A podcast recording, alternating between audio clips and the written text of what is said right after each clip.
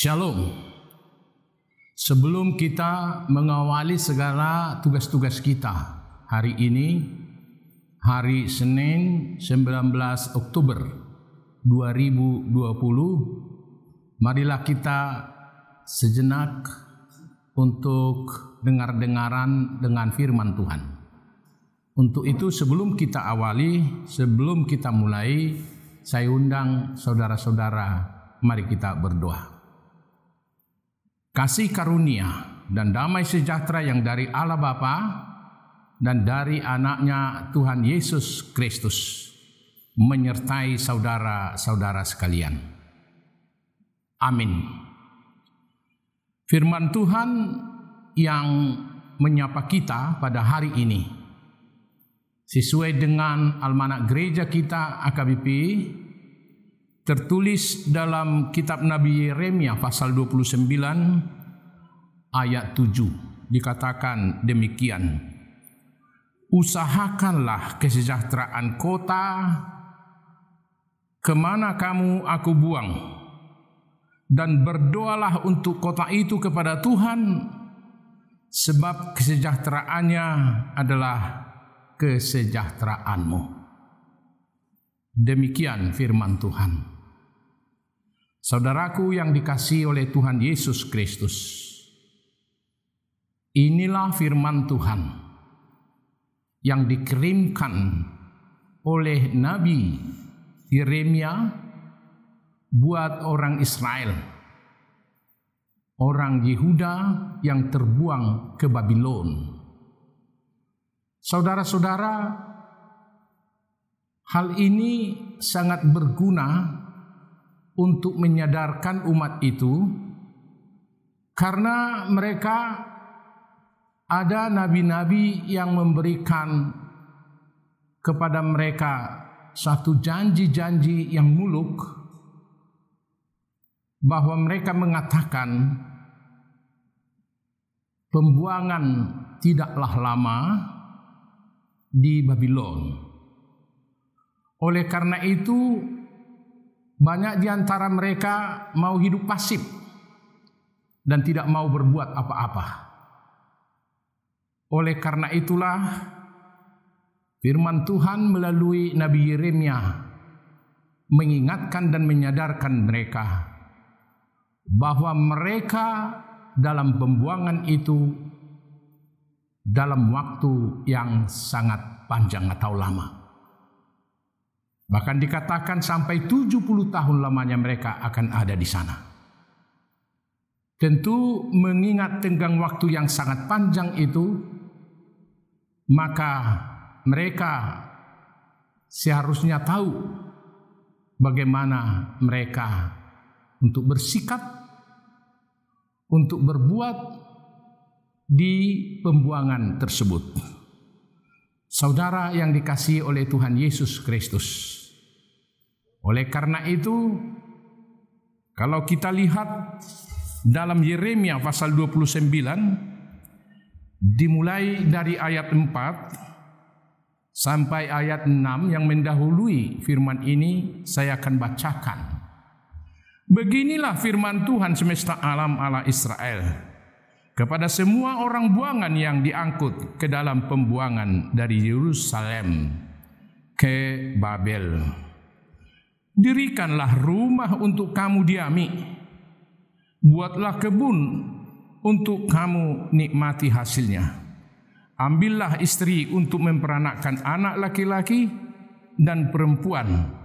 Ambilkanlah istri bagi anakmu laki-laki dan carikanlah suami bagi anakmu perempuan supaya mereka melahirkan anak laki-laki dan perempuan agar di sana kamu bertambah banyak dan jangan berkurang.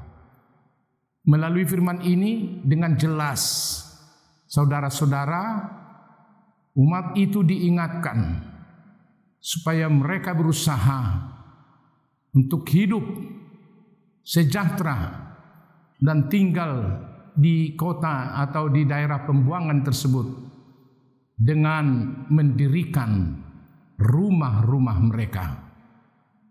Dan bukan hanya itu, membuat atau mengusahakan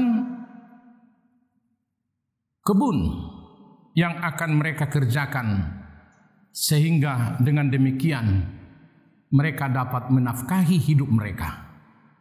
Dan bukan hanya itu saja, mereka diminta supaya kawin dan mengawinkan anak-anak laki maupun perempuan untuk tetap menjaga generasi mereka ke depan.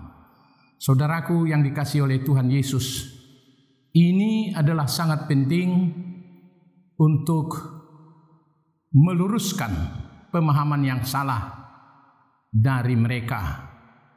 Mereka di sini diingatkan supaya mereka berusaha bagaimana mereka hidup di dalam pembuangan.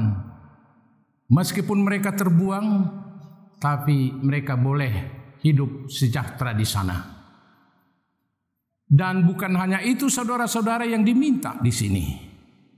Bahkan mereka diminta untuk berdoa kepada kota, kepada pemerintah yang memerintah mereka supaya terjadi kesejahteraan di tengah-tengah kota di mana mereka akan tinggal. Ini adalah sangat penting saudara-saudara.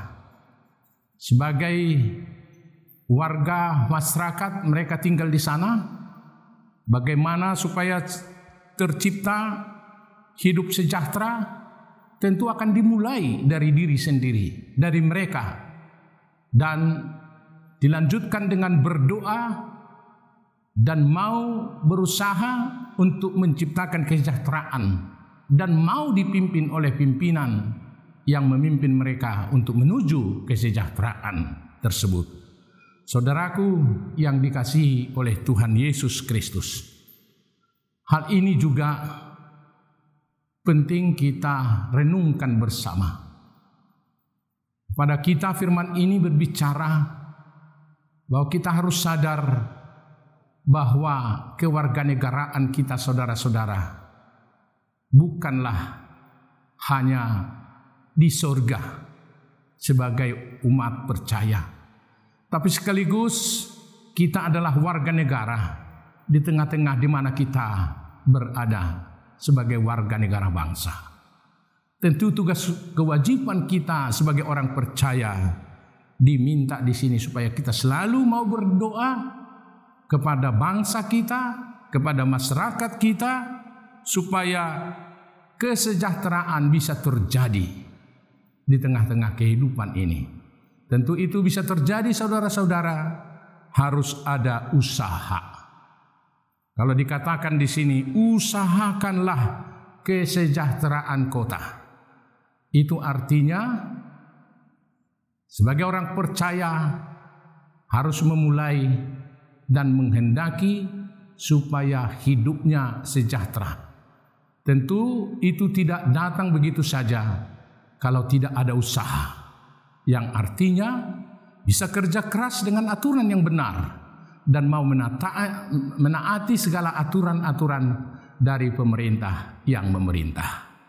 Semoga firman ini saudara-saudara mengajak kita supaya tetap juga berdoa untuk pemimpin kita, untuk kota kita, supaya kesejahteraan sungguh-sungguh bisa kita nikmati bersama pada saat ini. Walaupun zaman atau keadaan kita pada saat di mana pandemi corona COVID-19 mengancam kehidupan kita, kalau kita mau bersama-sama berusaha, pasti kesejahteraan akan dapat terjadi. Semoga Tuhan memberkati kita sekalian. Amin. Kita berdoa. Terima kasih Tuhan atas firman yang menyapa kami. Sebagaimana Yeremia mengingatkan umat yang terbuang jauh di Babylon untuk senantiasa berusaha berdoa untuk bangsa, untuk kota di mana mereka terbuang supaya kesejahteraan dapat terjadi dan kesejahteraan itu menjadi milik mereka. Tuhan sebagai warga negara, bangsa, Demikian juga sebagai warga kota di Bekasi ini. Kami berdoa untuk pemimpin kami supaya mereka sungguh-sungguh dapat mengarahkan dan menciptakan kesejahteraan buat masyarakat di mana kami tinggal dan berdomisili. Berkati jemaatmu semuanya di dalam segala tugas dan pekerjaannya. Kiranya engkau memberkati Tuhan sehingga kesejahteraan kedamaian boleh dapat kami miliki bersama. Inilah doa kami Tuhan. Dalam nama anakmu Yesus Kristus kami berdoa. Anugerah dari Tuhan kita Yesus Kristus dan kasih setia Allah Bapa dan persekutuan Roh Kudus kiranya menyertai saudara-saudara sekalian. Amin.